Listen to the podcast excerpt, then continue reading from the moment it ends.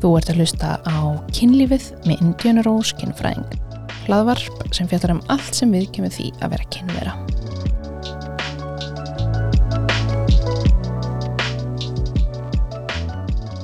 Góðan og blessaðan daginn Elisa. Góðan daginn. Herði, verður velkomin inga í stúdíu til mín. Við ætlum að tala um PCOS. Já, Af því þú ert varaformaður PCOS samtakana. þú mikið rétt. áður en fólk, ef það eru að hlusta á hann þátt og þið þekkið ekki tíðarhingin og eruð bara, mm, what the fuck, hvað er blæðingar, hvað er reglós, hvað er hérna ekkjastokkar þá mæli ég með að þið hlusti á þáttum með 5 sem ég gerði um tíðarhingin eða googlið aðeins um tíðarhingin að þetta tengist aldrei honum, PSOS, ekki alveg en við reynum samtala að svona tala bara mjög basic, þannig að flest skilja og ég kannski, við útskýrum bara ef það er einhver hugtök sem fólk gæti ekki skilið en viltu kannski segja mér aðeins frá þér Já, ég heiti semst Elisa, ég er borun og barnhættu vestfyrringur en búin að búa hérna í bænum lengi Já. núna, sér ég var fullorinn og ég er semst aðstofskólastjóri í Alþjóðaskólanum í Íslandi sem er alveg geggjaðu skóli og ég semst, já, er varaformar PSJS samtakana Já, og búin að vera það núna í uh, að verða eitt ár. já. En kannski segðu mér aðeins frá PSOS samtökunum. Já, um, samtökin voru stopnuð 2021, Já. þannig að við erum rúmlega tvekja ára gömur samtök Já. uh, sem er kannski ekki langt en við höfum alveg gert helling á þessum tíma Mm meðal annars haldið málþingur áðstefnu og alls konar viðburði fyrir meðlimi og hérna og við stöndum svona fyrir við viljum vera til staðar fyrir fólk með PCOS og standa fyrir vitundavakningu á heilkenninu Já, og það hefur verið markmiðið okkar svolítið e, í byrjun að hreinlega bara segja fólki frá að þetta sé til og að þetta sé alveg alveg mál. Þetta er ekki bara eitthvað skamstöðun á blaði sem þú bæti við og, og, og, og svo bara ferð út í lífið og það skiptir ekki máli. mm Og eins að tengja þetta við fleira heldur en bara frjósemi. og við förum kannski svo sem betur út í það hérna í þættinum. En akkur fórst þú í stjórn samtökana? Ég var nú svo sem bara búin að fylgjast með þeim svolítið og búin að vera pínu virki aðtöðsemdum inn á uh, PCOS Ísland Já. á Íslandi og svona en aldrei verið eitthvað meira kannski að pæla í þeim en fylgst vel með þeim og svona og síðan uh, höfðu þær bara samband við mig Já. fyrir uh, síðasta aðalfund Mm buðu mér að koma á eitt meðlumakvöld þar sem hann voru með fræðslu og, og ég spjallaði svolítið við þar þar og þá fjalli ég eiginlega bara pínu fyrir þessu. Bara var, þetta voru bara ótrúlega skemmtilega konur og, og hérna sem var að brenna fyrir málumninu. Ég bara sló til Já. og, og heldi mig bara í þetta að fullum þunga með þeim. Hvað eru þér svona mest að brasa í? Það eru þú veist fræðslur og málþing og svona? Það er bara svona við, þú veist, september er náttúrulega okkamánuður. Það er Já. vitundavakningamánuðurinn, mm PSJS vitundavakningamánuðurinn og fyrsti september er svona startið í því, þannig að það er svolítið stór dagur fyrir okkur. En svo erum við líka að skrifa greinar og, og skoðanagreinar og, og, og svo leðis og við erum með, tökum alltaf þátt í Reykjavíkumarathoninu, þannig að það er svona svolítið prep og svo erum við að skipleggja fræðslu kvöld og annað fyrir meðlimi og, og líka það geta aðri komið bara að borga sig inn þá. þú Já, veist. já, já, einmitt. Á svona fræðslur og Já.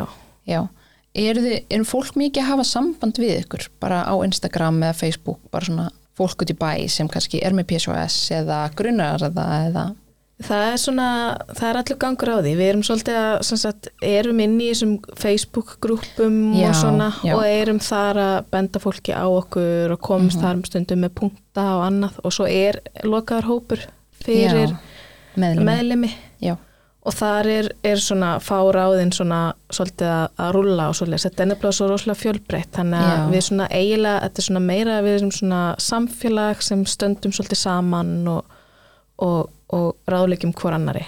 já, þannig að þeir eru kannski að búa til svona ágætan grunn bara fyrir annað fólk að styðja hvort annað og fá stuðning Já, líka. frekar en já. eitthvað bara þið að hérna, Nei, ég einmitt. veit allt í heiminum og þetta er eina rétta, já ég skilði um, en kannski þú reikna, ég, ég reikna með að þú sért með PSOS, Já. hvenar varstu greind og kannski svona hvað var til þess að þú greindist með PSOS? Sko, ég er, með við það sem ég hef heyrt, þá er ég ein af þeim sem að greinist mjög ung.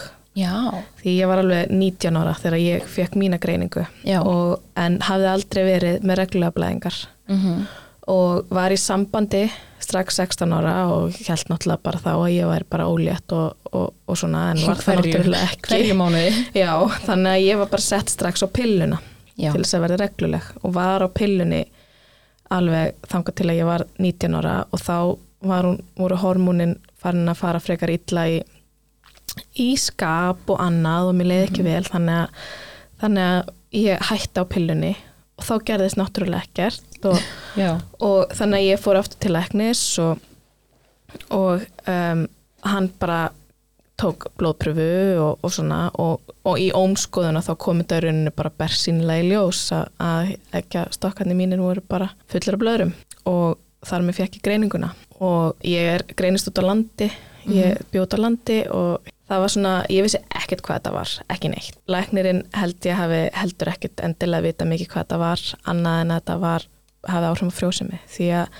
já, mér var bara reynilega sagt að þú ætlar ekkert tímann að verða mamma þá þarf að byrja að reyna að agnast vatn já, ok og þarna varstu hvað, 19? 19 ára Já, og fórstu í það það er aldrei mikið og þungt sett á 19 ára stelpu Já, við, við skelltum okkur að sjálfsögðu það já, og hérna að því að ég, þetta var bara eitthvað ég var náttúrulega bara óþroskuð og þú færð þetta, þetta er bara sem í ef þið langar í bad Já. þú veist, ef þú ert 19 ára, bara mér langar einhvern tímann í bad en ekkert endilega núna, en að þetta er, þetta er sem í bara svona, þetta er döðadómur ef þú gerir þetta ekki núna, þá myndu aldrei eignast bad og það verður þér að kenna því þú byrjar ekki strax Já, akkurat. Þannig að ég veit ekki hvort að læknin setta fram í ykkur gríni eða hvað, Já. en, en þetta var allavega hana, þetta heitti mig ekki rétt. Nei, guðmenn, og ég bara, ég veit ekki hvað 19 ára stelpa sem langar að eignast barn myndu taka þessu auðveldlega, sko. Nei, einmitt. Já, en okkar saga kannski tóldi svipað, því ég er líka með PSOS og ég er mitt bara hana alltaf óregluleg og, og ég manna læknir um alltaf eitthvað svona, já, já, þetta er eðlilegt fyrstu 2-3 ára, ég man ekki hvernig við byrjaði túr, 8. eða 9. bekk, nei, kannski 9, nei, ég man það ekki. Um, og það var alltaf svona, já, þetta er svona fyrst, óreglulegt fyrstu 2 ára, sem er bara eðlilegt og ég er svona, já, ok, ok, og og var einmitt líka, fór á pilluna að því ég var svo óregluleg og svo einmitt var á henni, ég veit ekki nokkur ár og svo var ég eitthvað svona einmitt, fór ekki nóg vel í mig sem ég veit ekki alveg hvort það var bara andlega líðan og að vera unglingur eða hvort það var akkurat pillan allavega hætt á pillunni, fyrir á ringin og eitthvað svona en er einmitt alltaf óregluleg ennþá bara herrðu það er löngu komið meir en tvö ár Mm. og mér fannst líka að því eftir ég hætt á pillunni þá var eitthvað svona já, þetta er eðlilegt eftir að þú hættir á pillunni Einmitt. og maður er svona já, já, já, ok, en þú veist þetta er samt ekki eðlilegt Nei, nákvæmlega. og í staðan fyrir að sé eitthvað að skoða þá er alltaf bara svona, já, já, já, nei, nei, þetta er eðlilegt fyrstu já, ok, nei, þetta er líka alveg eðlilegt fyrstu þrjú árin Einmitt. í staðan fyrir að sé hlustað á mann Nákvæmlega og bara tjekkað, þú veist, Já. allavega eitthvað útilokað, já, þú veist. bara mm, hvað fyrir heilbríðiskerfa hausinu og tekur ómskoðun og nokkra blóðpröfur Nákvæmlega. að því að, já, ég veit ekki alveg hvernig, ég man ekki hvernig ég grindist 22 eða eitthvað um, nei, kannski fyrr kannski bara svi- 20 eða eitthvað, ég man það ekki alveg en þá er mitt fór ég, þú veist, alltaf hann óregluleg og ég bara, þetta er ekki lægi og þetta sjálf byrjaði að googla þannig mig grunaði PCOS um, og fer svo til læknis ég átti að fara til hérna bara minns hvern sjúknalæknis sem ég fílaði rosa vel en hann var veiku þennan daginn, það var einhver annar sem listi af og ég var í alvörunni inn og út hjá henni í, á sjö mínútum það var bara inn, upp á bekkin, hún er ekki ég sendi blóðbröð, fer út og hún er svona, já, þeir eru svona PSOS-legir en ég sendi í blóðpröfu og svo sendur hún mér post eitthvað, blóðið er eðlilegt en samt ekki eðlilegt, reynum aftur setna, ég bara, ha, hvað mein þarna var ég mitt bara 21 eða tveggja, bara hvað meinaru bara ekki eðlilegt, bara er ég að fara að deyja hvað er að fara að gerast Hvað fannstu í þessu blóði mínu? já, bara, já, tökum aftur setna ég bara, hvað þýðir það en, og það var einmitt þetta vissi ekki þá að blóðprúfan kom þú veist, eðlilega út þann daginn af því að tíðarhingurinn minn var kannski bara akkurat þar en svo fór ég aftur í blóðprúfu tve- tveim mikum setna held ég og þá kom þetta hormóna ójafnveg í ljós sem einmitt, hún ringdi svo í mig bara, já, þú ert með PSOS ég svona, ok, já, takk bæ eða þú veist, bara, já, googlaði það sem ég finnst allavega í PSOS-grúpunu margir tala um bara já þetta er PSOS farið heim og googlaði Já, það eru rosalega, rosalega margar sem að deila þessari reynslu og, og deila því að vera greindar seint. já, Þær eru kannski að greinast uh, upp úr þrítugu. Mhm. Kannski búnur að vera að lenda einmitt þess að þú ert að lýsa í að það er bara já, já, það er eðlilegt að vera óruglega núna já. og svo svona. bara eitthvað já það er fullt tungl þá er eðlilegt að vera orðgrunnlega Já, liggur við sko. Og það eru margar sem að einmitt lýsa þessu og lýsa svona að það vanti bara þekkingu innan heilbreyðiskeirand á PCOS Já. bara heimilisleiknar og aðrir viti svona hvað þetta er og viti þú veist hvað þetta þýðir annað heldur en frjósemi og tíðarhengur já, þetta hefur áhrif alveg miklu miklu meira heldur en það já en við ættum kannski fara í bara að útskýra hvað er PCOS Já, PCOS stendur fyrir eh, sem sagt er skamstöðun stendur fyrir Polycystic Ovary Syndrome á Já. íslensku er það fjöl, blöðru, eggja, stokka, heilkenni þetta auðvelda og stuttu orð mjög þjált og gott að segja Já, Svona, segðu það tíu sinni móksla rætt bara þú fjölblöður það er oft talað um það, er, það eru sumi sem kallta PCOS og annað það Já. er alveg, það, eru, það eru mörg heiti þannig að gott að fá þetta bara skrifað á blað fyrir Já. mann ef, maður, er- ef að læknir er eitthvað að pæli þessu bara skrifa Já. þetta niður fyrir mann Já, sérstaklega að mann er bara sagt fara heim og googla einmitt, þá verður að vita hvað átt að googla En þetta sem sagt, nafnið kemur sem sagt frá einkennum sem PCOS hefur á eggjastokkana í rauninni.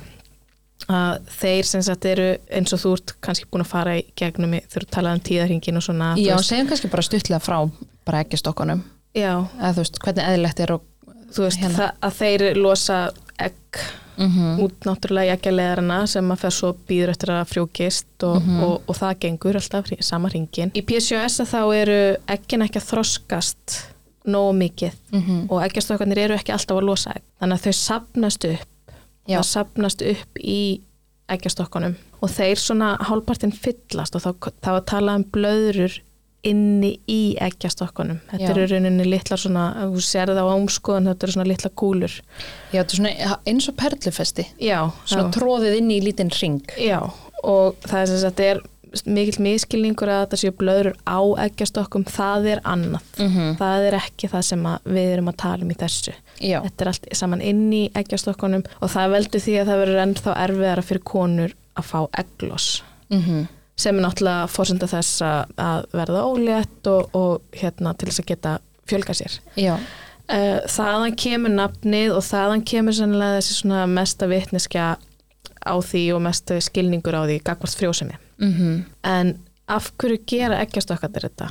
Og það eru efnaskipta hormón og, og alls konar svona sem að valda því. Þannig að þetta er ekkert bara eggjastokkarnir, þetta er hormón og óregla og er efnaskipta villa í líkamannum. já bara Sem að- hormonarugl Já, í líkamanum já. ekkert bara endilega ekki stokkanir Nei, einmitt, og þeir eru ekkert alltaf svona hjá konum með PCOS. Það Mhm. Já. eru þrjú greiningaskilmerki og þú þarft að uppfylla tvö af þessum þremur. mm Það er að vera með svona andrógen lík einkenni, eða svona kallhormóna einkenni eins og það, þau eru kölluð. Það eru kannski með of hátt testosterona eða eitthvað það- og þú veist, þá eru konur mögulega að fá skegg eða mm Mhm. Eh, e, bólóta húð eða e, sapna e, kviðfytu meira heldur en annars staðar Já, og alls konar svona enginni eh, Mhm. það er eitt greiningaskilmerkið síðan er það að, að vera með þessa fjölblöru eggjastokka þessa hérna, perlu perlu ekki stokka, það er bara fullt Já, af stórum eggbúum í Já. rauninni já, síðan er sem sagt um, þriðja er óreglulegu tíðringur Já, til þess að greinast með PCOS þá þarf það að vera með tvent af þessu þrennu þannig að Mhm. þú getur í rauninni verið með þessi einkenni sem að benda til þess að þú sért með há karlhormónu líkamannum mm þú getur líka verið með óreglulegan tíðarhing og eggjastokkan er bara í fínu lagi Já. eða þú veist í fínu lagi þú veist, í ómskoðun þá sérst já, ekkert já, uh, svo getur líka verið með engin af þessum einkennum verið Mhm. með svona eggjastokka og óreglulegan tíðarhing og það er þá yfirleitt verið að tala um sko þegar þeir tala um óreglulegan tíðarhing þá er verið að tala um uh, að það er rosalega langt á milli það er já, bara nánast enga blæðinga kannski eða það er, þú veist, Mhm. við erum að tala um eh, lengri en 36 daga Já. eh, á milli ég myndi að, hérna, að því ég var svo óregla á blæðingum, þú veist, það voru stundum þrýr mánuður, sem- stundum sex, stundum níu stundum 40 dagar, stundum 25 og fólk er svona, já, ég er líka óregla á því ég var búin að segja hvernig og það er bara svona já, þú veist, þennan mánuði var í 29 svo var ég 33 síðast, maður er eitthvað ah, ah, ekki, nei, þú veist, það er bara innan skekkjumarka Nákvæmlega þetta er svona sirka einu sinni í mánuði svir, sirka, svipu um tíma en þetta óregla, þetta er svona Já, þú bara veist aldrei hvernig þetta túr nei, einmitt og kannski bara jafnvel eins og hjá mér að það er bara nánast gerist ekki að ég fari sjálf á blæðingar já, ég þarf bara reynilega að taka lif til að starta blæðingum mhm þannig að hérna það er bara, ég get talið á fingrum annarar handar hversu oft líkami minn hefur kikkað þessu í ganga alveg sjálfur sko, Já. Mm. án, utan að koma til hormóna og svo er hún líka alveg svona kannski einhver algenga mýtur um þetta það sem mér finnst kannski svona algengasta mýtan og það sem ég held fyrst kannski þegar ég fekk greiningu að það væri bara eitthvað ógeðslega sjálfgeft að það væri bara, þú veist, ég, ég væri ein af tíu á Íslandi eða þú veist, ég held að þetta væri bara geðsjálfgeft Já. en svo er það bara alls ekki svo leiðis Nei, það, er, það eru, uh, þetta er svo mjög vangreint og það er talið að sko, það sé upp undir 70% þeirra sem eru með PCOS já, vit ekki af því. Þess að Það eru 8 til 13% Já. talið. bara svona fyrir eftir rannsóknum og, Já, það er, og þetta er alveg pínu á reiki vegna vanþekkingar á heilkenninu líka. já, Þannig að 8 til 13% kvenna eða 8 til 13% fólks já um, sem er með þá hvern lífari mm um, og 70% af þeim sem, sem eru svo með þetta vit ekki af því. Já. En ef við gefum okkur bara Ísland til dæmis, ef við erum að reyna, að því ég áttum ekki alveg, ég er svo lélega starffræði, þegar svona fyrir kynfræði, hei hei, og kannski svona, ertu með eitthvað dæmi svona, til að hjálpa okkur að átta með á bara hversu margir til dæmis á Íslandi? Já, uh, við getum sagt ef við, ef við skoðum prosentunar að það séu svona 20-25.000 einstaklingar á Íslandi Með PCOS, sem eru með PCOS. það er svakalegu fjöldi. Já, en aðeins 7.500 af þeim Já. actually vita af því. Já, því það eru bara cirka 30% sem vita. Já, og þarna eru þá 17.500 einstaklingar sem að vita það ekki. Og þá Já. erum við í rauninni bara að tala um þau sem eru með kvenkins líffæri. Já, bara allavega þau sem eru með ekkjastokka og já, hérna, já, já, mér finnst það svakalegu fjöldi, já. bara 17.000, sergi 17.000 manns sem Jú, vita ekki. jú, nú svo- svona tæplega 17.000 var, jú. Það er bara ógeðislega mikið. Já, það er svolítið margir. það er bara, hvað búa margir á, er þetta ekki bara alltaf akkurir eða eitthvað? Ég veit ekki hvað Það eru, ég held að segja aðeins fleira að hverju Já, Grafavogur kannski. Þetta En er, já. þetta er svona, þetta er svona hálfur hafna fyrir eitthvað slags. Já, og ég hugsa að því þetta, við búum í kvennahatandi heimi, ef að Mhm. þetta væri kallmenn ég efast um að þetta væri svona lítið þekkt og lítið rannsakað Einmitt, ég held að þetta væri allavega hann að komi lengra, Mhm. hugsa ég. Já, og kannski núna þegar rannsóknir eru farin að sína að það eru kallmenn eh, Já. kannski gerist eitthvað ég, Einmitt. þú veist, ömulegt samt að pæli Já. því, því en þú veist, en kannski fara að rannsaka þetta betur núna já Já, kannski fjölgar núna vís, vísindamönnum sem vilja leggja áherslu á þetta og peningur í rannsóknir fyrir þetta að þetta hefur áhrif að kallmenn líka já einmitt, kanns, Af því, kannski þú því veist, miður er það oft þannig bara að kallmenn stjórna peningaflæðinu Einmitt. og ég meina ef maður kíkir bara á stjórn fyrirtækja og lifjafyrirtækja og allt svona ok, þannig að þetta með þetta sé sjálfgæft og líka þetta eins og kannski þú lendir í bara þú getur ekki orðið ólétt Já. eða þarft að fara að byrja núna 19 ára, engin pressa mhm, einmitt, þannig að minnst það líka svona að því það er einmitt það sem ég fekk panik yfir Já. ég bara, herðu, ef mér langar að eigna spatt þá er ég ekkert að fara að býða hérna þannig að ég verð þrítug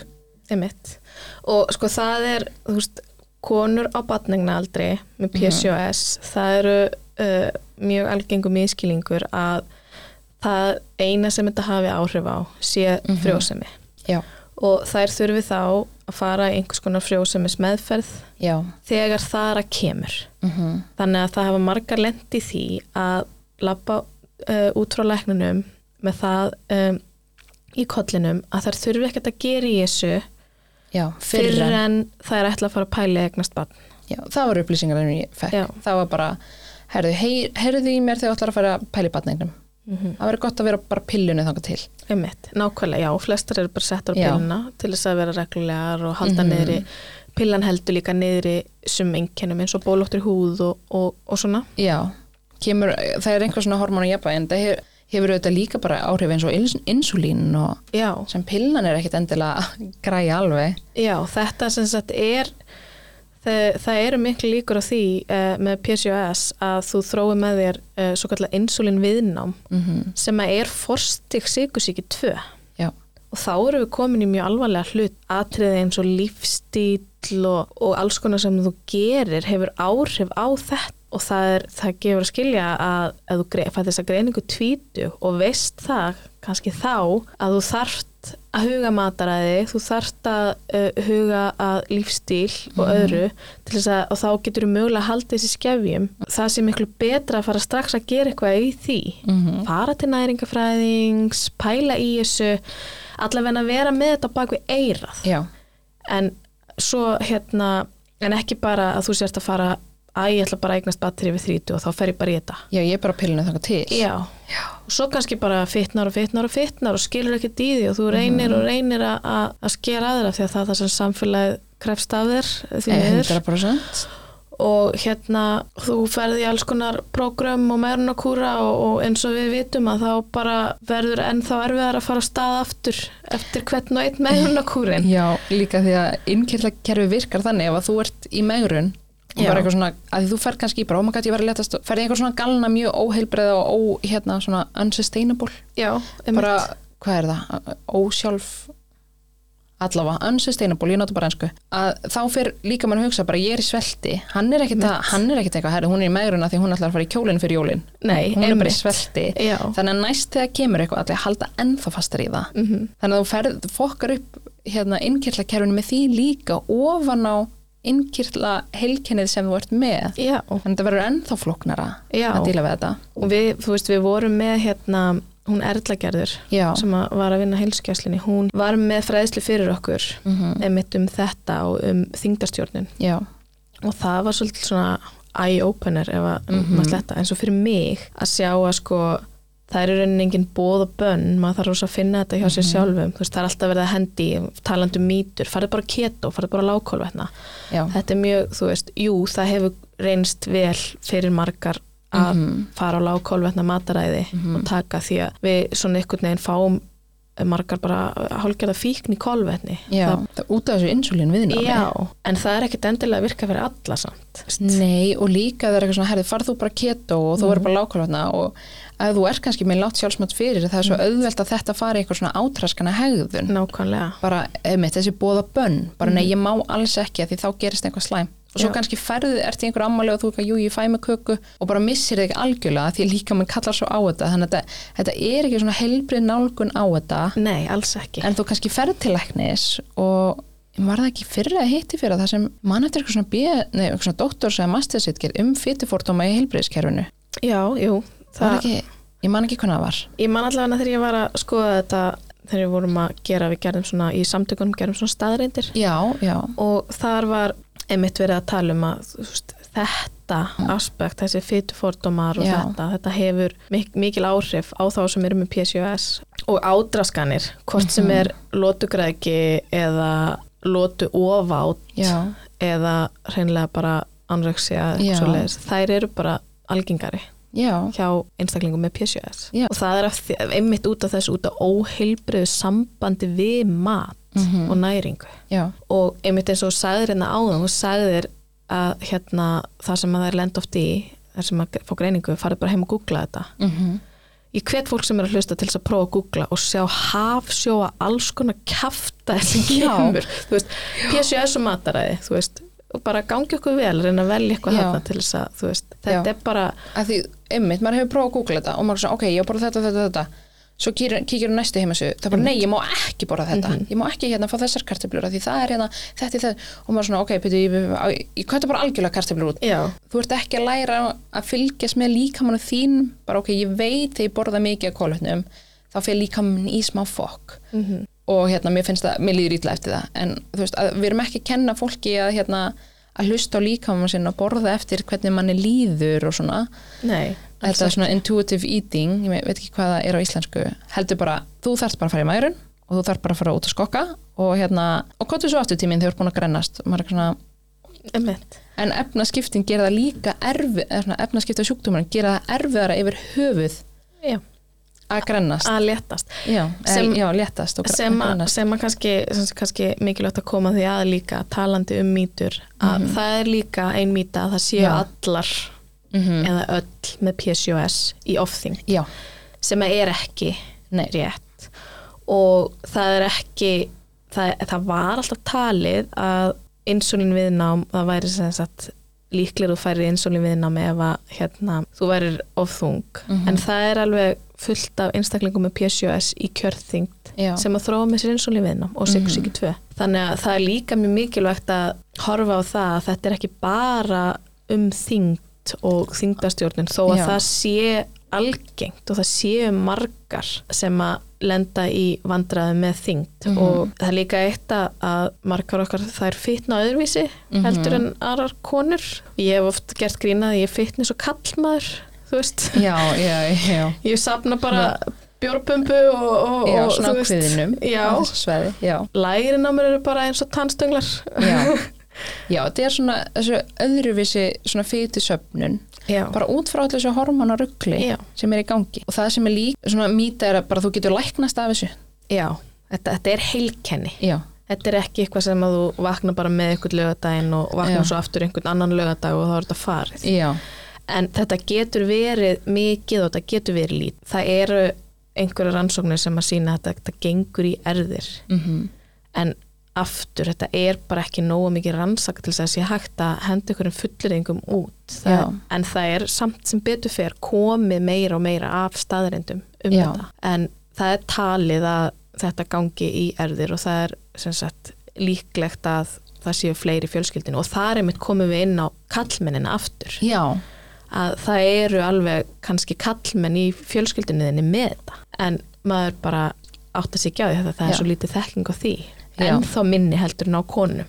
já og að því ég held að svona kannski algengasta enginni hjá konum og fólk með lega og ekkjastokka það er þetta óreglulega blæðingar að því Já. þar ertu með bara mér, ég er ekki búin að fara á túr í þrjá mánuði Einmitt. og þá kannski fer til læknis og jú, herðu, eggjastokkanir eru í rugli eða hérna, blóðprunanir eru í rugli Mhm. en ef þú ert kallmaður, ef þú ert einstaklingur sem ert ekki með leg, þá ert ekki með þetta stóra augljósa dæmi Nei, einmitt. heldur frekar þetta er, þú veist, ok þessi þingdaraukning mögulega þú veist, svona skalli, svona snembúin Mhm. Já. en þú ert samt kannski geðið lóðin á bringunni og höndunum og allstarum líkamann Já. að þetta er þá, þú veist, algengari hjá einstaklingum sem eru með þetta, þú veist, að konur í kringum sig, þú veist, kannski amma og sýstir og svona, eru með PSOS Já. þannig að þetta fer líka þú veist að hérna hvað segir maður, svona genin, af því þau erfa alveg þessi gen sem valda þessum sjúkdum hjá konum en geta valdi líka þessum enginum hjá Hjá körlum köllum, já. Mhm. Og þetta er eitthvað sem að maður er, maður, ég er alveg spennt að sökka mér honni og lesa, Já. sko, að hérna, og þess vegna kannski er nafnið svolítið villandi, Já. Mhm. hjálplöður að ekki að stokka heilkenni og eða polycystic ovary syndrome. já, þú Af bara, því að ég er ekki með þú þarft ekkert að, og það er ekki lækning, talandi um mýtur, það er ekki lækning Já. að fjarlæga bara ekki að stokkana. já,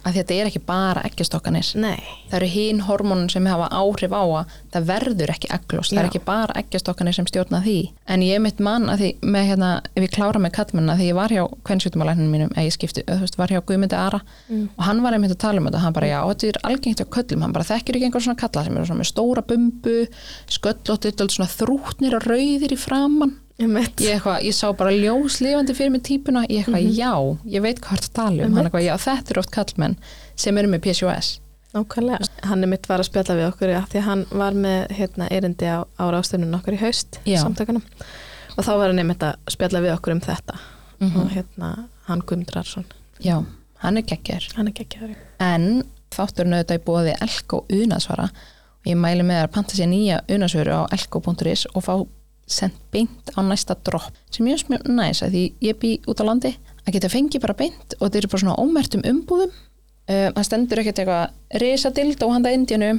hann að sérst ekkert hvað er í pakkanum og svo er þátturinn líka í bóði Durex og þessi þáttur er að taka upp, hann er tekin upp í janúar og ég mæli með þið setið eitthvað árum að heita að vera duglega að nota smokk eða bara eiga alltaf til smokka líka eða eigi unglinga til dæmis á heimilinu að eiga alltaf til svo þau geta grípið sér og Durex smokkar fást að sjálfsögðu næstu í maturverslunum, sjoppu og apatökum en ef við höldum áfram, kannski aðeins að fara svona dýbra í enginna því við nefndum þau svona aðeins áðan og hún er kannski búin að fara aðeins yfir þessa þyngdaraukningu veistu hversu algengt það er?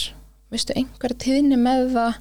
það er rosalega reiki eftir hans Já, og hérna og það er mjög erfitt að sjá einhverjar, einhverjar tölur já, af því að þetta eru oft svo mörg margi þættir og einkenni sem koma saman eins og þegar við vorum að gera þessar staðrindir já hérna núna í september á í septem, já, Instagram hjá okkur já.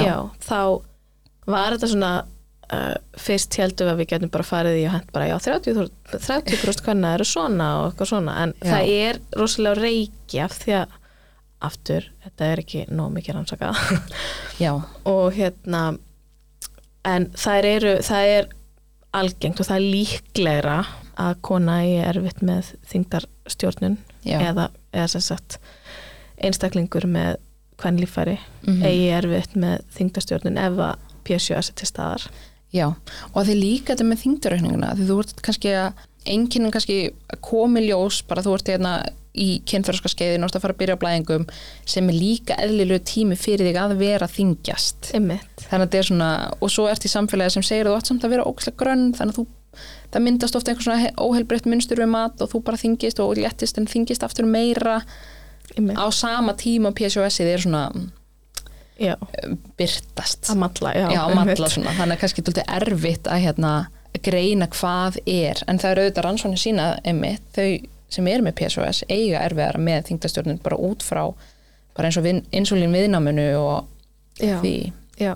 og það er svona það við heldur þessum vít, vítarhing að hérna að vera með helginu það við heldur einkjönunum já, þess vegna er ofta fyrsta sem að læknirinn segir við e, fólk sem að ef að það er e, í ykkur yfirþyngd mm að hérna að þú átt bara að fara að létta þig átt bara að fara að grenna þig já og það sé einn lausnin Mhm. þess vegna er það oft sagt mm og ég veit, ég hef heyrt að margir eru ekki nóg nærgætnir þegar kemur að þessu læknar og, og heilbriðstarsfólk -hmm.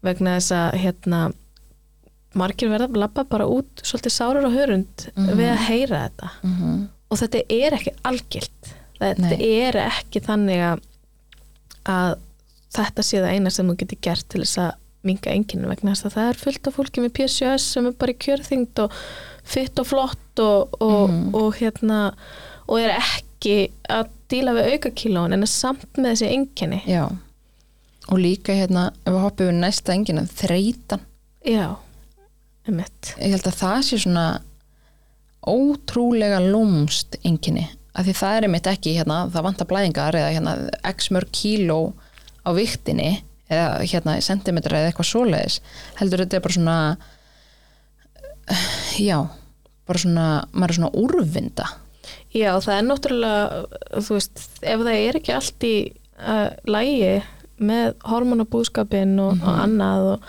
að þá er þetta þetta er fyrsta sem kikkar inn, það er Já. þessi þreita og þessi heila þoka já, um, að vera bara allt í einu bara, maður er bara úrvinda og maður var kannski bara ekki að gera neitt Mhm. einhvern veginn og, s- og maður veit og ég meina konur sem eru reglulegar þær þekkja þetta með tíðaringin sinn að það kannski er þær eru kannski með fyrirtíðarspennu og eitthvað svona já, uh, sem að ég þekki þetta ekki neitt en, en ég er, þú veist, sem að er kannski bara eðlilegt upp á þessu marki já en við sem erum ekki með reglulegar blæðingar, við erum kannski að gangi gegnum alls konar svona hormonasveiflur bara þrísvar bara þrísar í viku eða Já. eitthvað skilur þú veist, þetta er alveg bara hérna, þetta er svo mik þetta er svo mikla, geta verið svo mikla sveiflur já, og sem að valda þessu að maður bara líka minni bara að nota orkuna sína í aðra hluti heldur en maður kannski vill hann sé að gera sko. Já, já, já og líka því að þú veist í eðlilegum tíðarhing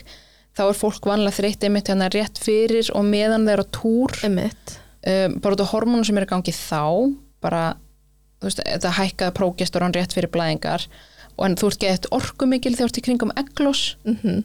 en við fáum ekkit endilega eglós þannig við fáum ekki líka þetta orkubúst við erum kannski meira í ofhá prógesturunni sem er þreytan, hormonaruglið sem ætti að vera, það ætti að vera svona jafnvægi bara herðu ok, ég er ókslega þreytt hér á túr en hérna svo koma tvær vikur og það er eglósið og, Já. en svo ertu ekki að ná tíðarring sviplunar er svo sjúklegar Já, eða geta verið það maður, þú veist, já, og ef maður þekkir ekki inn á sig að þá Mhm. getur þetta valdið því að maður er kannski ekkert rosalega umbyrðalindu gagvart sjálfum sér nei, bara engin sjálfsmyldi þú bara hvað er aðið mér akkur er svona þreytt, ég var ekki að gera neitt maður er bara djöðsins aumingi getið verið Já, þú veist. byrju læknirinn sagði ég ætti að fara að grenna mér, ég bara enga orku til að fara að mæta í einhverja leikfumi eða Já. eða að fara út í einhvert göngutúr og, Einmitt. og líka því þegar þú ert á blæðingum þá sækir maður meira í kolvetni bara Já. að því líka með þarf að aukna orku það er mjög orkufrægt að vera túr þannig að þú ert kannski í þessu háa prógestruna á öðrum tíma, þú veist, ekki í tíðari svona eðlum tíðarhing Mhm. þannig að þú ert að sækja í aukinn kolvetni bara því líka mann er að kalla á það, þú ert með aukna þreyttu þannig að þetta verður,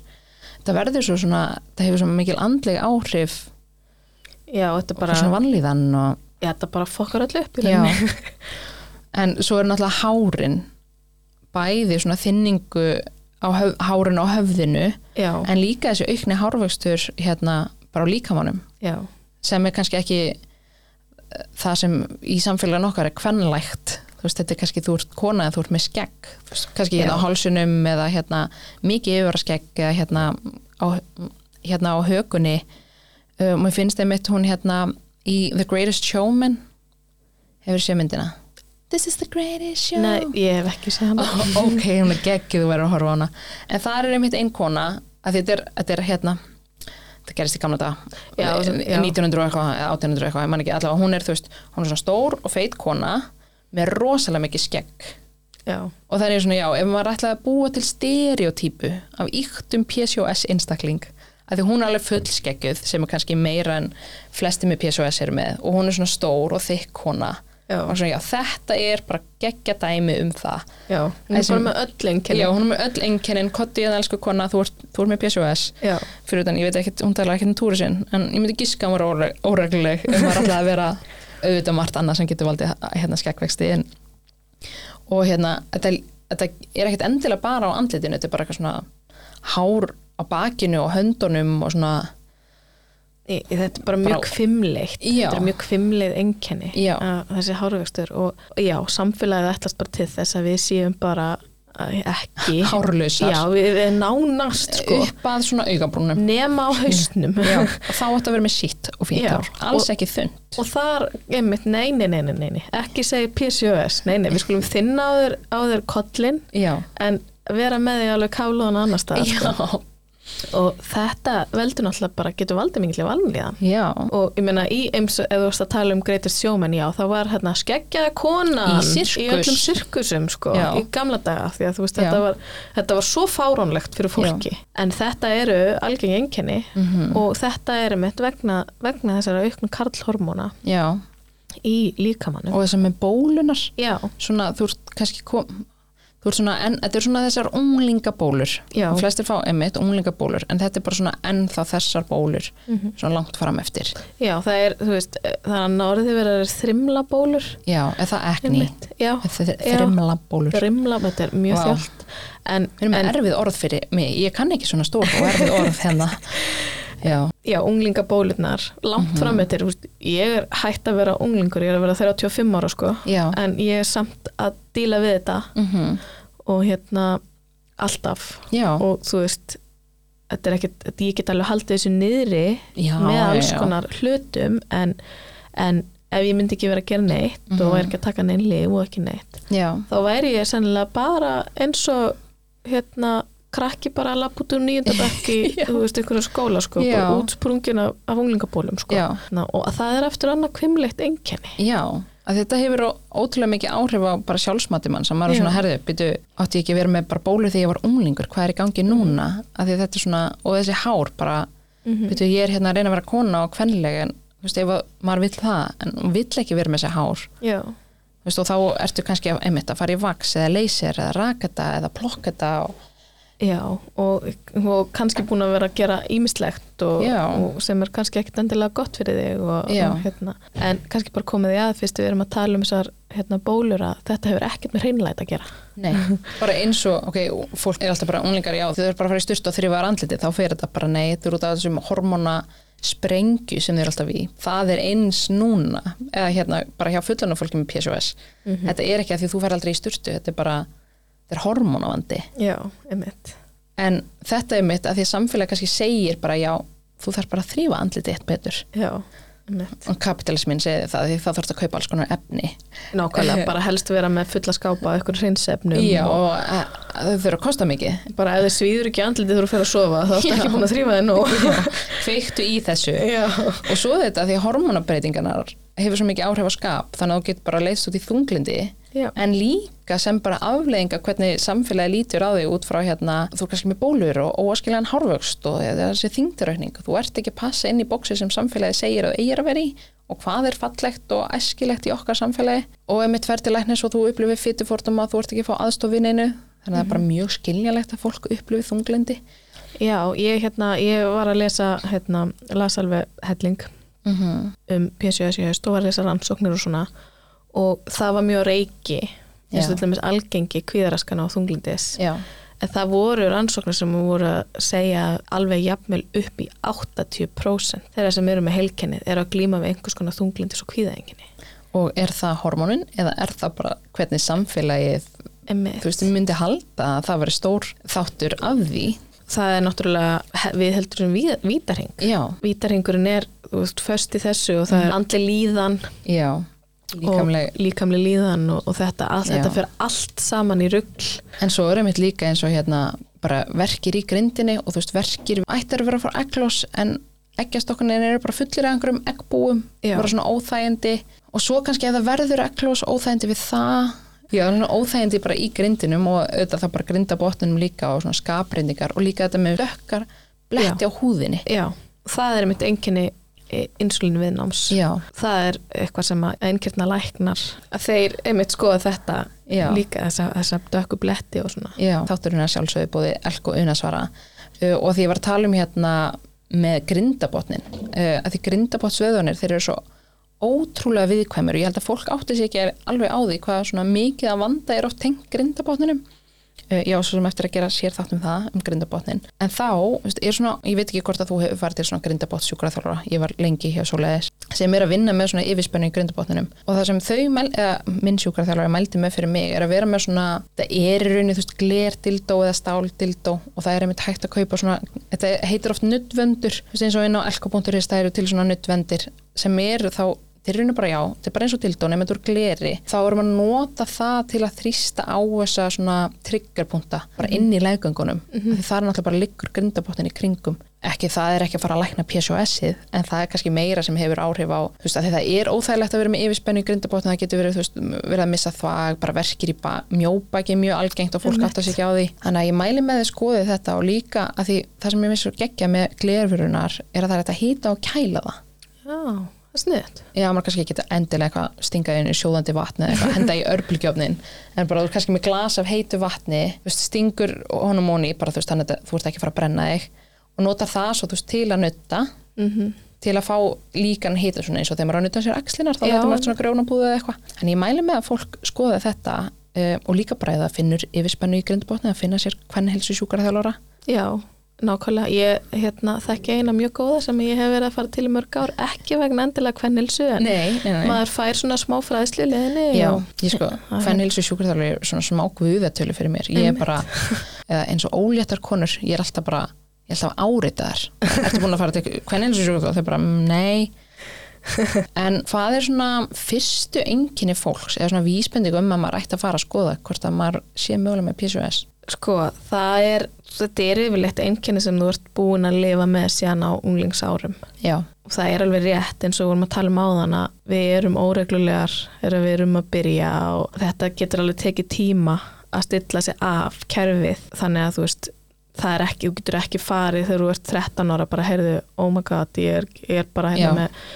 50 dagar tíðarhing og ég hlýta að vera með PCOS. já bara ég fór einu svona túrin daginn og ég er ekki búin að fara aftur Já. hvað er að mér en já. það er alveg til í dæminu að það sé fylst með þeim Mhm. sem að eru kannski lengi óreglulegar og, og eitthvað svoleiðis já, kannski ef að mamma einu var með og sýstir Já. um PCOS að bara, já, ok, tjekkum bara fylgjumst bara vel með Já. það er náttúrulega kannski aðalega þessi óreglulega blæðingar en þær geta verið til staðar bara alveg frá því að þú byrja eins og til dæmis ég, ég fór bara ekkert, ég byrjaði á blæðingum Já, og svo bara fór ég ekkert aftur á blæðingan eitt bara já. gett lengi, þú veist og þetta var bara alltaf mega skrítið sko, að Mhm. mér fannst og var ekkert endilega kannski að tala um þetta við, við neitt sko, Nei, að því sem unglingur maður þráir svo að vera eðlilegur emitt og þú ert ekki að fara á túr reglulega, Já, þá ert ekki eðlileg nei, og einmitt. þá, er, þá ert ekki að tala endilega um það. Nei, nákvæmlega, maður er bara ekki að það er allar stelpunar í bekknum byrjar að túra nema ég Já, þú veist. líka því þær byrja oft, þær, mér finnst eins og með PSOS, mér finnst eins og ég hafa líka að lesa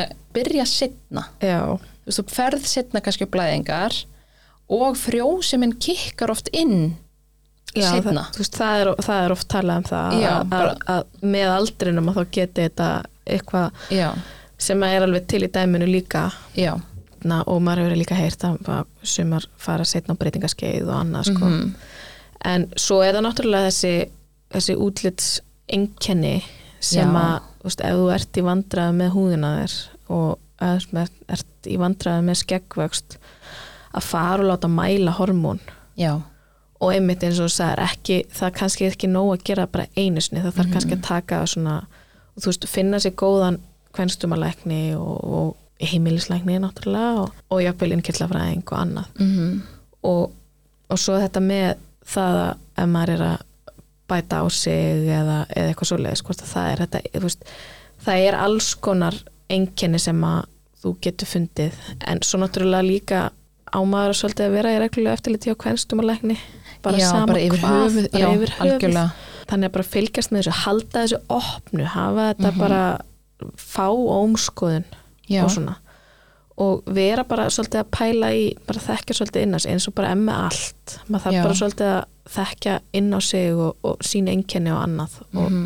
en þetta er svona útilokunar vera alltaf rannsóknamaður um sjálfa sig Já. að sapna upplýsingum, fá sér eitthvað svona tíðarhings app, Mhm. þannig að þú ferð til læknist þá getur bara, þú getur sínt eða sagt bara, að því appi reikna bara, bara meðal tíðarhingur minn þú veist, ég er bara búin að fara fjóru sinum á þessu ári en Einmitt. þegar maður er svo óreglulegur, ég var átt bara uh, veit ekkert hvernig ég fór þessu túr síðast já, nokkala en að hafa þetta jafnvel skrá kannski niður enginin sín bara, herri, ég finn, þú veist, að vera alltaf svona farðlut inn á þau, bara svona rannsaka það sjálf á sig, bara hvernig líður mér eftir þetta taka eitt tíðarhing sem er kannski þótt að séu þrýr mánir, að reyna bara svona skrá niður líðan mm. og svona fylgjast alltaf með því Já, og bara, þú veist, ef það er bara eins og með allt, bara ef það er eitthvað óðurlegt Já. og oft er sko, af því að eins og þú veist, PCOS er svona, þú veist, það er búið að útiloka allt annað -hmm. af því að auðvitað geta þetta verið einkenni af ykkur eins og til dæmis óreglu tíðarhingur getur alveg verið að benda til ykkurs bara næringaskort annars. til dæmis Já, til dæmis þannig að auðvitað er þetta þú veist, það er svolítið erfitt að segja bara já, herrði, ég ætla bara að fara til læknis, ég held ég sem í PCOS án þess Já. að vera búin að stúturöldu og vera búin að pæla svolítið í einkennum og, Mhm. og öðru en svo náttúrulega eru fer náttúrulega líka bara svolítið eftir í á hvaða lækni þú hitt hvort að hann sé bara reynilega meðvitað um þetta ekki sömur eru bara on it en aðrir eru bara einmitt ekki on it Já, ég mani mér þegar ég fór fyrst til Guðmundar Ara eða ekki Guðmundur Arason Jú. Að, hérna, að því að það heyrst að hann var bara þekkti PSOS vel ég svona miða við þennan tíma sem ég var inn og út hjá hann að kvennsjótumalæknum á sjö mínútum þegar hún var svona sem ég að greina mig Já, bara ég var öll svona 20 mínútur hjá honum það sem hann var bara að útskýra þetta fyrir mér og bara þú veist, fór í ómskoðun og hann bara sjáði ekkjastokkuna þeina þetta er þessar blöður, svona lítur þetta út þetta ætti ekki að vera svona, hann gaf sér svo mikið tíma í að útskýra þetta fyrir mér já, einmitt og það var einhvern svona fyrsta sinn sem ég fekk hvena fór ég til hans sko ég, fó, ég held að ég farið eftir ég átti eldri stráki minn, hann fættist 2019 hann er 2020 og hérna þú veist þurft að fara í glasafrjókun og hérna, En þetta kom ekki ljós þar sem sagt í frjósemisferlinu en nei þá vissi ég að ég verið með PSOS Já, ok að því ég greindist þannig 21, 22, 3 eitthvað svoleiðis uh, og þá einmitt vissi ég bara það, þá fekk ég upplýsingar það mun taka langan tíma fyrir mig að vera ólétt sem það gerði svo að því þú veist ég var ekki að fá eglós og maður þarf náttúrulega að fá eglós til að verða óléttur ef þú ferð bara eglós til þessu ári þá er það bara og 30 bros líkur hvert skipti eitthvað svona, þetta er bara, þetta er mjög litla líkur en ég menn samt fekk aldrei neina svona góða útskýringu bara svona já, ertu búin að kynna þér þetta Eitthvað svona, já, ég er búin að googla, já, ok, og það var bara kalla gott fyrir hann, þú veist, Guðmundur hann bara svona virkilega útskýrði þetta fyrir mér Já, einmitt og gaf sér tíma til þess Hann er náttúrulega, þú veist, hann er búin að svolítið að helga sér þessu Hann náttúrulega var, er frjósemisleiknir líka en, en hann er svona búin að skoða þetta og tala við marga konur já en ef við tölum kannski um svona bara áhrifin á kynheilbriði að þetta tengist auðvitað því bara eins og með frjósumuna verki, verki fyrir samfarir kvíði fyrir kynlífi, getnavarnir að því það er dálítið oft svona, þú ferð bara á pilluna -hmm. og kannski frjósumina stæðsta Já, ég hérna frjósemis meðferðir og svoleiðis eru náttúrulega bara hafa, held ég án þess að vera eitthvað sérfræðingur og veist kannski meir um það heldur en ég en hefur rosalega áhrif á kynheilbreiði já, og eins og ef, að þú ert, fa- ef, ef þið eru sett að fara heim og googla PCOS Já. að þá er alveg haf sjór af dótið um það hvernig þú átt að auka líkunar á því að verða ólétt og dataradaratra og eins og fyrir mig þegar ég fekk þessar fréttir hana að ég, ef ég ætlaði ekkert um að verða mamma Já, þá þyrfti 19 ára. ég í mitt þá bara, ég bara fór í eitthvað spíral já, þú veist, þá var eh, barnaland.is já hot stuff og þar voru Já. umræðu hópar og svona ég fór farinn og, og var þar eitthvað að, þú veist, lesa mig til og alls konar og maður eiginlega var bara hálfgeðvikur á þessu sko já, Já, herði, við þurfum að stunda kynlíf núna núna getur verið að ég sé mér eggloss og pissa Já. á egglosspróf og ma- hitamæla sig og allt svona Mhm. og þetta bara eigðilegur kynlífið, ég get Já. bara ég get bara nánast lofa því að þetta er bara ekki eitthvað sem 100%. að maður hérna, óska neinum að bara, hvað þá 19 ára já fóstu strax í þetta 19 ára Ég var ánum tvítug svona þegar ferlið byrjaði. Já. En Þetta var svona frá svona tvítug, þetta var aðalega þá, svo hætti ég. Ég Já. hafði vit á því að bara, eða við, bara hættum já, þessu. Ég tók bara ákvörðin að, þú veist, ok, ef að, þú veist, ég fer í þetta ykkur tíman, að þá Já. verður bara, fer ég bara beint í það, að það, Já. þessi egg verða bara sótt. já, bara, f- ég fer bara í glasa Já, ég ætla ekki að fara og taka fleiri kúra af einhverjum pillum og einhverju Nei. dóti því að það er bara, það er bara mannskemmandi, sérstaklega þegar maður hefur ekki einu sinni þroska í það sko. Algjörlega og ég var alveg eld, hvað er ég, 26 eða 5 þegar ég byrja, já þegar ég byrja að reyna að vera ólétt þú veist þá var maður samt svo ungur um minn Já. en hvað þá þú, þú varst hvað 5-6 árum yngri Já, ég var náttúrulega bara 19 og tvítugt. bara, Já. bara semi Já, ég skil ekki, ég kannski kem fram sem eitthvað þroskari eða eitthvað en þetta kendi mér samt rosalega margt, ég er ekkert Mhm. endilega vissum að ég myndi vilja hafa þetta nættu öðru sig. nei, að þetta kendi mér ímislegt og þetta gaf mér alls konar inn í svo þegar ég fór í frjósemis já, og hérna að þá til dæmis let ég allar umræðugrúpur vera já það er bara, þetta er þú ert að ganga gegnum þetta, jú það er alveg ágætt að fá stuðning en ég mata bara svo fyrir mig að ég yrði í þannig ástandi þegar ég væri að dæla mig upp fulla hormónum Já. að ég myndi ekki geta filterað út hvað væri skinsamlega ráð og hvað væri ekki skinsamlega ráð já að því líka þegar þú ert í svona frjósumismeðferð það er svo mikið í húfi Já. bara fyrir utan möguleikin að fá batt, þá kostar þetta ógeðslega mikið. Já. Þú bara eitthvað svona, ef ég klúðra þessu, þá er hálf miljón farin í vaskin Mhm. og mann finnst þetta, mí- ég var allavega bara þetta er að mín ábyrð og ég verð hérna að passa andekjan, riki, eða þú veist, einhver svona verður svo galin í hausnum á svona, maður ætlar að láta þetta hefnast, eitthvað sem að stjórnar bara alls ekki Einmitt. eða þú veist, nema einhver pínulitli leiti kannski, bara taka lifi sín og fylgja ráðleggingum læknana Einmitt. og ég, ég menn ég upplifði líka svo mikið bara svona hver er ég sem kona ef ég get þetta ekki Einmitt, já bara, ein, þú veist að því samfélagi segir mann bara eina hlutverk þitt sem kona er að fæða aukna spötn og allt bara eitthvað líka manni gerður fyrir þetta og maður bara hvað er að mér ef ég get þetta ekki Já og svo bara samfélagið bara hvernig ætlar að koma með börn og, og eins og hjá mér, ég á eitt og, og það Mhm. tók fjögur ára búin að til og, og samt er fólk að hendi ætlar ekki að koma með annað, hvernig ætlar að koma með annað og ég bara, hú, ég veit ekki bara hvort ég legg í það sko já, þú bara, veist. eh, veistu hvað það kostar mig og Já, bæði á andlega lí- og já. líkamlega og peningalega Einmitt.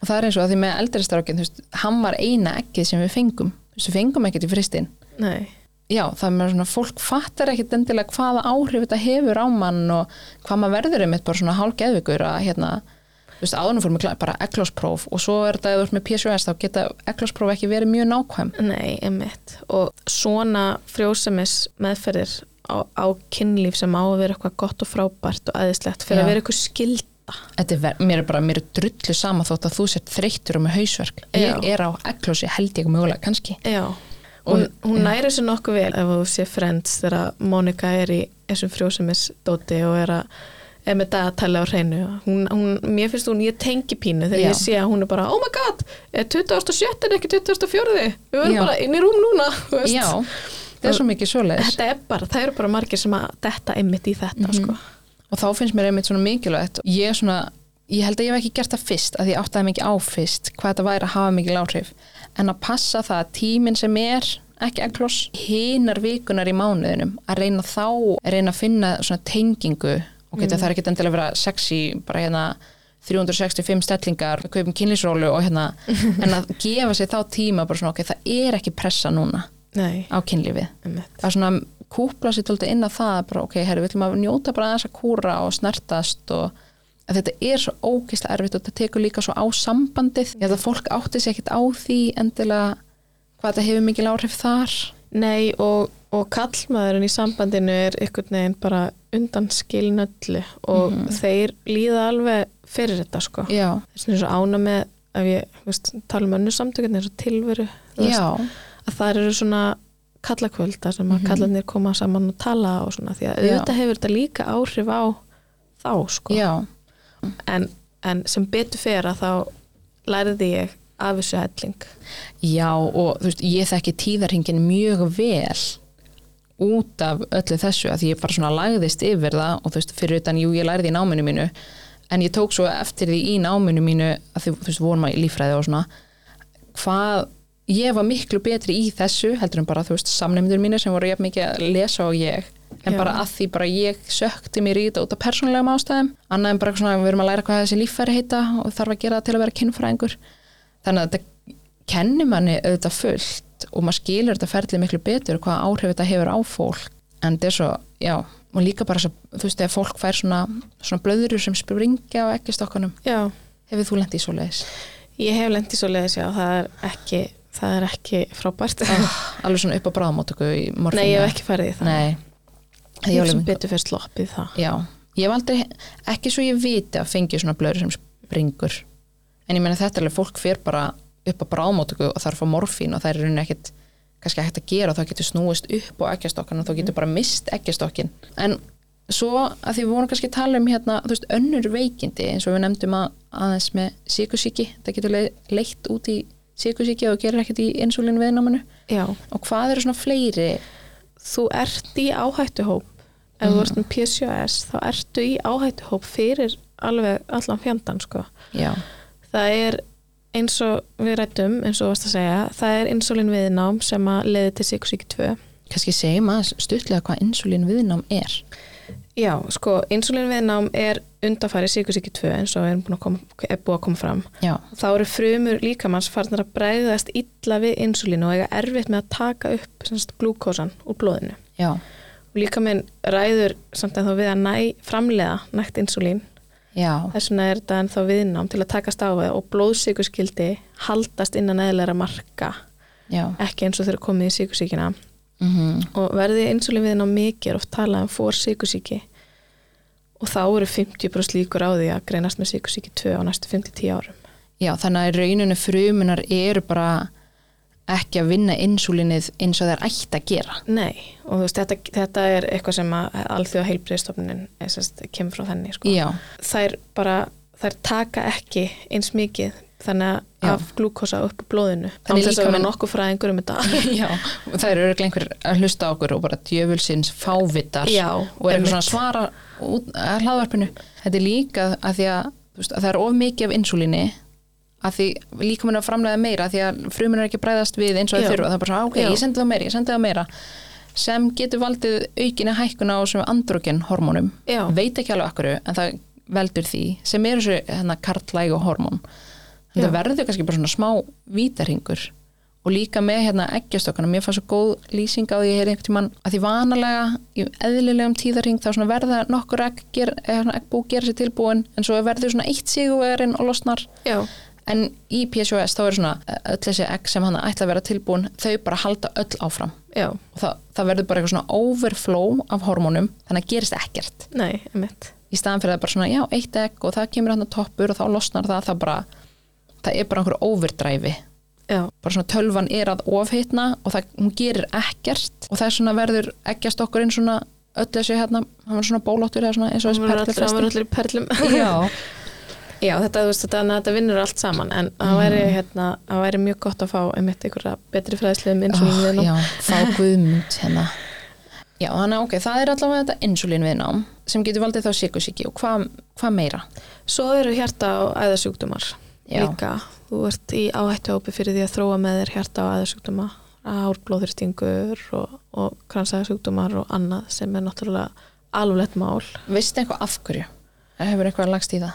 það, Þess að þið minnst þetta Nei. insulin síku síki get svona, ok, Já. skil það það er, þú veist, ég án þess að hérna, vita nokkuð um það þá er þetta náttúrulega að þú, þú veist, ert líklegur til þess að safna þingjast og Já. þingdaraukning og annað Þetta er líka bara hormona já, rugl. já, sem að veldur því að hjartað er kannski ekki að starfa eins og það ætti að vera að gera Já, og í þessu hormonarugli ég get ímyndum mér að það sé svona þú veist, auki kortisol sem er streytuhormonið Já.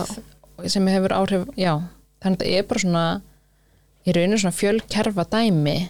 þetta er ekkit bara eggjastokkanir þótt þetta heiti fjölblöður og eggjastokki á helginni Já, það er samt þannig að þú veist heilkennið í nafnið heilkenni reynir Já. bendi til þess.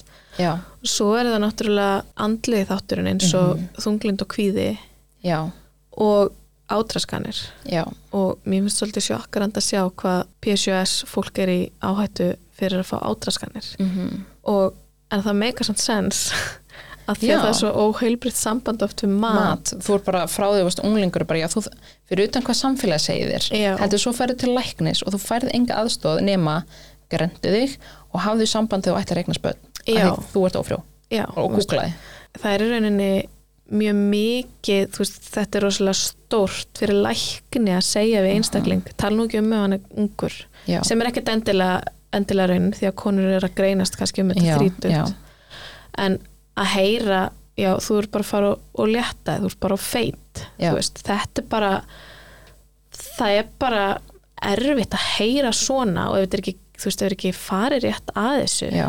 að þá hérna eða hlutinir útskýrðir og svo kannski er það bara ekkert málið, kannski getur þau bara alveg verið bara Já. Mhm. alveg eins mjúk og þú vilt vera og, og, hérna, og haldi PCOS-inu alveg niðri sko. já. það er til grant fólk sem er með PSOS já, já, já, já. það er ekkert einmitt óalgengt að fólk sko. fyrir til læknis og bara, já, ég hef verið 50 kíló en Já. ég var samt óregluleg Já. og ég hef verið 100 kíló og ég er samt óregluleg bara getum við skoðað þetta en líka með fytufórtumana því þetta er fólk fer bara eitthvað er að drepast í njánum og það er bara, já, þú er að leta þig Einmitt. og bara, herri, ég, hérna, ég er bara, ég má hósta það verður rosalega gott, ef þú myndir rétta svona 5-10 kíló Já. getum við skoðað hóstan Já. Bara, hvað meinaru?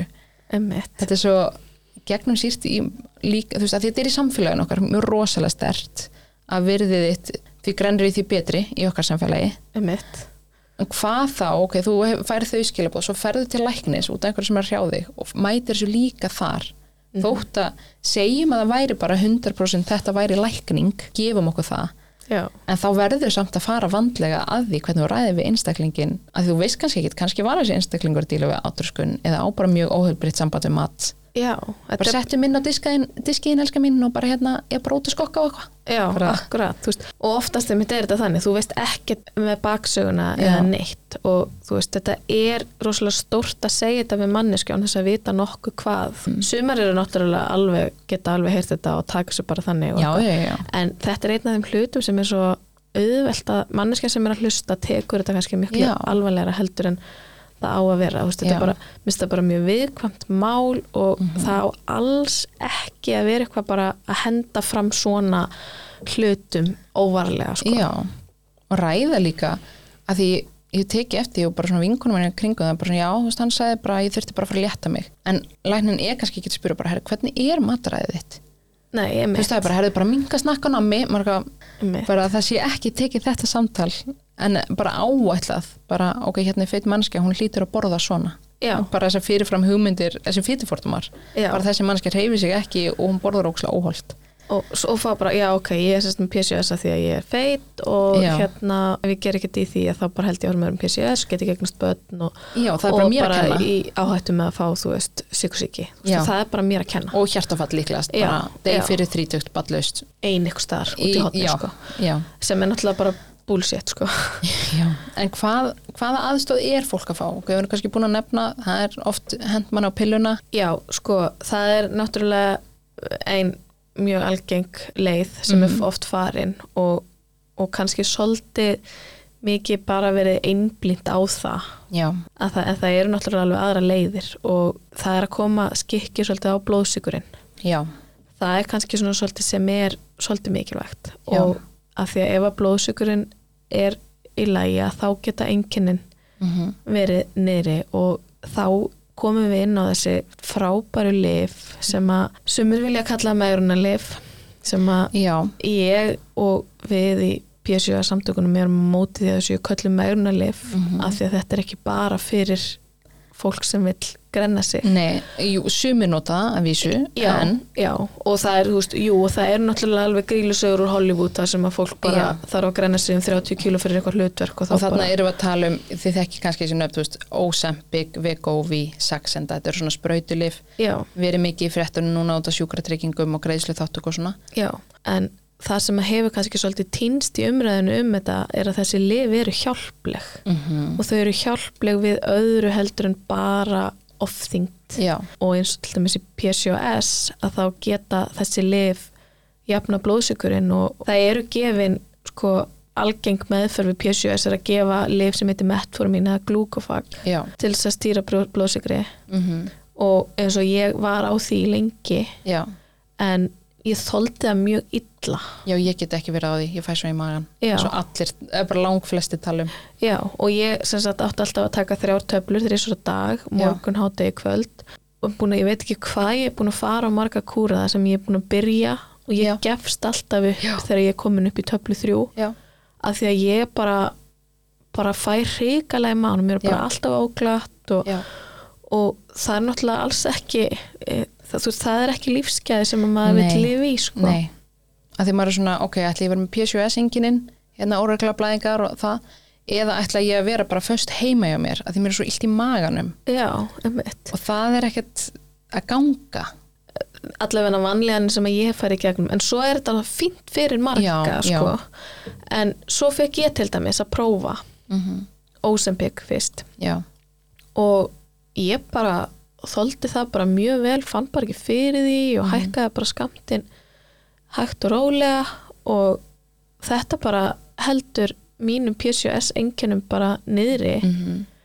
og ég er bara miklu betri í húðinni og mér líður bara betur það er ekki þess að sömu hormónasveiflur og Já. mataræðið er bara ég næ að hafa mikið mér stjórn á því ég er Mhm. ekki að fá þessa sjúklegu löngun í kolvetn eftir þú nýja ert ekki að fá kvöldin sko. sigurfall. mér finnst þetta að vera að hjálpa mér sko. Já, síðan í sumar Mhm. þegar varð skortur á Ósenbygg já, þá hætti ég að taka það bara blákalt af því að ég ætlaði ekki að vera að taka það frá fólki sem Já. að þurfti meira á því að halda heldur en ég sem er náttúrulega galið að maður þurfa að hugsa svo leiðis já, já, af því að, að sjálfsögðu var þetta að bæta mín lífsgæði og Já. halda ákveðnum sjúkdómseinkennum í skefjum Já. og annað sko. ég vil ekki vera að taka þetta frá þeim sem að þurfa kannski Já. meira á þess að halda já, heldur en ég em, algjörlega, ég skil pælinguna. þannig já. að ég bara var ekkert að, just, ég var alveg þú veist, stundum fóru og gáðu hvort það væri til og eitthvað svona, Já. en ég var ekki að keira á milli apoteka, Nei, emmitt, verða mér út um þetta ég Já. bara ákvað freka bara að setja þetta eins og hólt Já. á meðan ástandi væri svona síðan heyrði ég af Vekovi já, og hérna og bað, sem sagt, spurði heimilisleiknir minn hvort að ég gæti farið á það, prófa það já, og er núna búin að vera að trappa mig upp í því og það er bara að hafa svipu áhrif á ósembyggið já, og mér finnst þetta hjálpa helling í, ég meina ég ég fór bara að túra sjálfstæðum bara en daginn skilur, mm -hmm. það, það bara gerist ekki fattar Mhm. Já.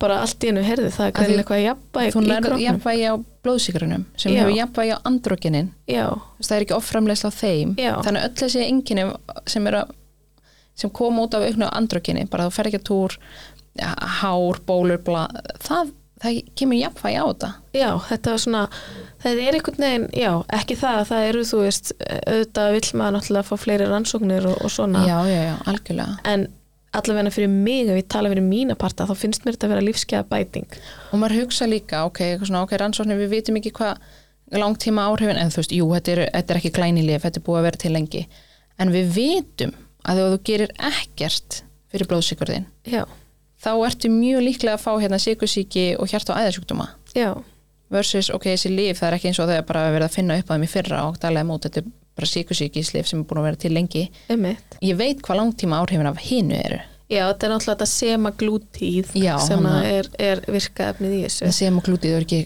líra glútið ég var eitthvað svona að reyna að lesa mig um þetta allt í gerð þegar ég var undirbúið þáttinn já, en það snýst bara um að lækka insulín Mhm. en sko það er náttúrulega þannig með öll lif auðvitað þarftu að velja svolítið að hafna. Já. Ætla ég að taka þetta lif og þá er ákveðnar áhættu þættir af því eða ætla Já. ég að lifa með sjúkdómi minn eða heilkenninu mínu Já. og bara díla við þá á- áhættu þætti. Já. Eða ætla ég að gera sitt lítið af hvoru. Já. Þú veist, það er, það er engin pilla sem þú tekur sem að hefur ekki einhver áhrif Nei, og líka mér svo áhugavert með eins og þetta. Að þetta er eitthvað svona, já, nei, þetta er bara meirunlif og það er bara allir að fara á þetta. Án þess að pæli hvað áhrif þetta hefur, bara ok, PSOS fólk er ekki að fara á þetta að því bara. nei, En við erum öll sett á pilluna að Já. því bara. Og við Já. vitum að það er alveg aukaverkana á því að vera bara getna varna pillunni. ég þarf bara aukin hætt og blóttappa tappa og bara alls svona, konar. já. En það er engin eitthvað, mm, setjum stór spurningamerki við það. Nei, emitt. Og við höfum sko, við höfum verið að bærast fyrir því ásamt fleiri samtökum að þetta sé að sjúkratryggingar hugsi sér vandlega um. Já, því Það kemur að þessu. þetta, það er ekki greiðslu þáttöka fyrir þessu. Nei, það er ekki og það er, þú þarft að vera virkilega, virkilega langt leittur Já, til þess að fá greiðslu þáttöku fyrir. Í stað fyrir að grípa viðkomandi. Já, sem að er, þú veist, lí- ef maður horfir líðheilsulega, já, er þá ekki minni kostnaðar af því að grípa inn í fyrr mhm, heldur en að vera komin með það er sko við, við erum að tala um uh, BMI yfir 45 já, og eitthvað uh, lífshættulegan sjúkdóm já, eða BMI yfir, nú er ég kannski að skjóta út í loftið en þetta er svona Já. sem hefur verið í umræðinu eða BMI yfir 35 held ég og þú ert á leiðinni í líffæraskipti eða þú veist það er verið að Mm. Já. fara að taka úr því nýrunni eða eitthvað, ég veit það ekki Já. þannig að sko þú þarft að vera virkilega, virkilega landlittur til þess að fá þannig erum við bara að greiðslu slökka þátttöku. elda Já, og þetta náttúrulega bara veldur því að það eru bara ákveðin hópur fólk sem Mhm. að hefur tök á að taka lifið, mm sem að veldur að stjættaskiptingu. því ég meina að þetta kostar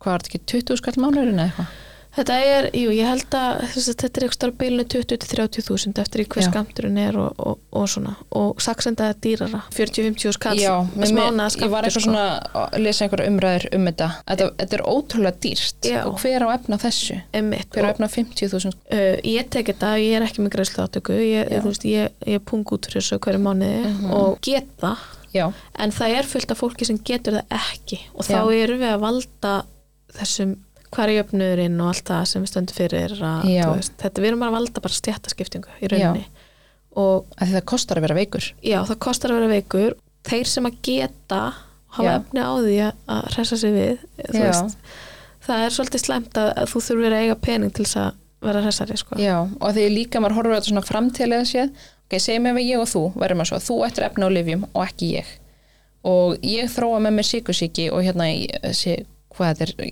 niðugreitt eða þú ert með einhvern veginn þarf það að fara í líffæraflutning Já, Hérna, sk- einmitt. bara ég er komin á þann stað að því ég átti ekki efna á þessu þannig ég er öryrki, ég hef ekki efna á að vinna það er svona bara átækt að gildra Já. sem börnum mín lenda svo í já, en þú áttu kannski efna á þessu þannig að þér líður betur, þú getur unnið gert þitt á þetta með börnunum þínum kannski býrð betur að tekjum til að menta þau já. Þú veist, þetta er svo kerfislegt og þetta hefur svo mikið langtíma áhrif miklu meira en heldur en bara eitthvað núna í dag og þarf ekki að taka kannski önnur lif sem þarf að niðugreiða Já. þú veist, á meðan að þú er kannski komin á blóðhyrstingslif, sikursíkislif Já, bara 16 lyf til að- eh, þú veist Já. og allt er verið að niðugreiða sko. og ég er orðan öryrki já, þannig að þú veist hvað kostar þetta samfélagi, Já. en að sjálfsögð þarf rannsóknir og svo leiðis en Auðvitað. þá, þú veist, köllum við bara eftir því að þetta sé þá rannsakað Já. það sé skoðað og það sé ykk- reynt að taka þetta alvarlega Já. það sé, það er, það er engin að tala um að ætla bara að fara að skjóta bara, þú veist að þú getur bara farið í apoteki og kefti sér lifi við borðið sko Nei, En og að- þetta er líka, þetta er upp að skrifa lækni, þetta er ekki bara eitthvað já, og, þú veist, og þetta er náttúrulega ekki eina leiðin þú þarft Já. líka að hugsa um mataræði og Mhm. lífstilinn þú veist, algjörlega. ég þarf að, ég get ekkert bara verið að sprauta mig með vegovi og verið svo bara að geta 16 tómi pítsu í matina, Já. þú veist, ég verð að Insúlínin færði bara í fokk já, ég verð að pæla í þessu líka Mm. en þetta hjálpar og gera það auðveldara að- já, Já. en svo eru náttúrulega fleiri, þú veist, að því við vorum að tala með fyrir þetta er náttúrulega kannski svona svolítið sem að er svolítið efst á baui núna Já. að þetta eru lifin Mhm. en svo er það oft emitt að fara til næringafræðings Já. og vera í góðu sambandi við næringafræðing því að þeir eru alveg hafsjóra fróðleg Já, og sem þekki inn á PSUS Já, af því að það er margt sem að maður getur gert Mhm. bætt bara með því að skoða hvað maður er að setja hún í sig sko. Já. en samt af sem sagt, sjálfsmildi og umbyrlendi gagvert sjálfum sér algjörlega að ekki sko fara bara lóðbeint í keto og springa á limminu og, mm -hmm. og ver- lenda í þeim mítæring Mhm. já, heldur, sem bóðabönn já, heldur meira svona bara hægt og rólega vinna með sjálfurið þér í Mhm. Já. rauninni og vinna líka í sem andlegu þáttum í leðinni já, en hefur eitthvað svona loka ráð ég skrá sig í samtökin já, að sjálfsög fylgja ykkur á Instagram Já. og Facebook já, og, og koma og vinna með okkur ef það var Já. áhuga uh, ég held að aðal ráði sem að ég get gefið er að bara varðandi alla þessa þætti er að kemur að PCOS að þá er sjálfsmildi og umburalindi það sem að sk- er nummer 1, 2 og 3 ég var að fara að segja sjálfsmildin já, að vera þóldi blíður og góður við sjálfan sig og Já. tala við sig bara eins og maður væri besta vinkona sín eða vinnu sín já einmitt að, að vera ekki sjálfum sér vestur já, að því að þetta er þetta er ferli og þú ert aldrei ekki að takast á við þetta mm og þetta er ekki eitthvað sem hættir þú frá breytingaskeið nei, það, einmitt það er bara á eftir að rannsaka þetta betur hvernig Já. þetta er á breytingaskeiðinu og eftir maður verður bara að læra að lifa með þessu og hvernig er best að gera það og það gerir maður ekki með einhverjum búðum og bönnum Nei, geggja. Það var geggjað þáttur, finnst mér allavega. Fyrir utan öll stóru orðin sem við höfum mjög erfitt með. En takk kærlega fyrir komuna. Takk fyrir að bjóða mér Já, sjálfsagt mál.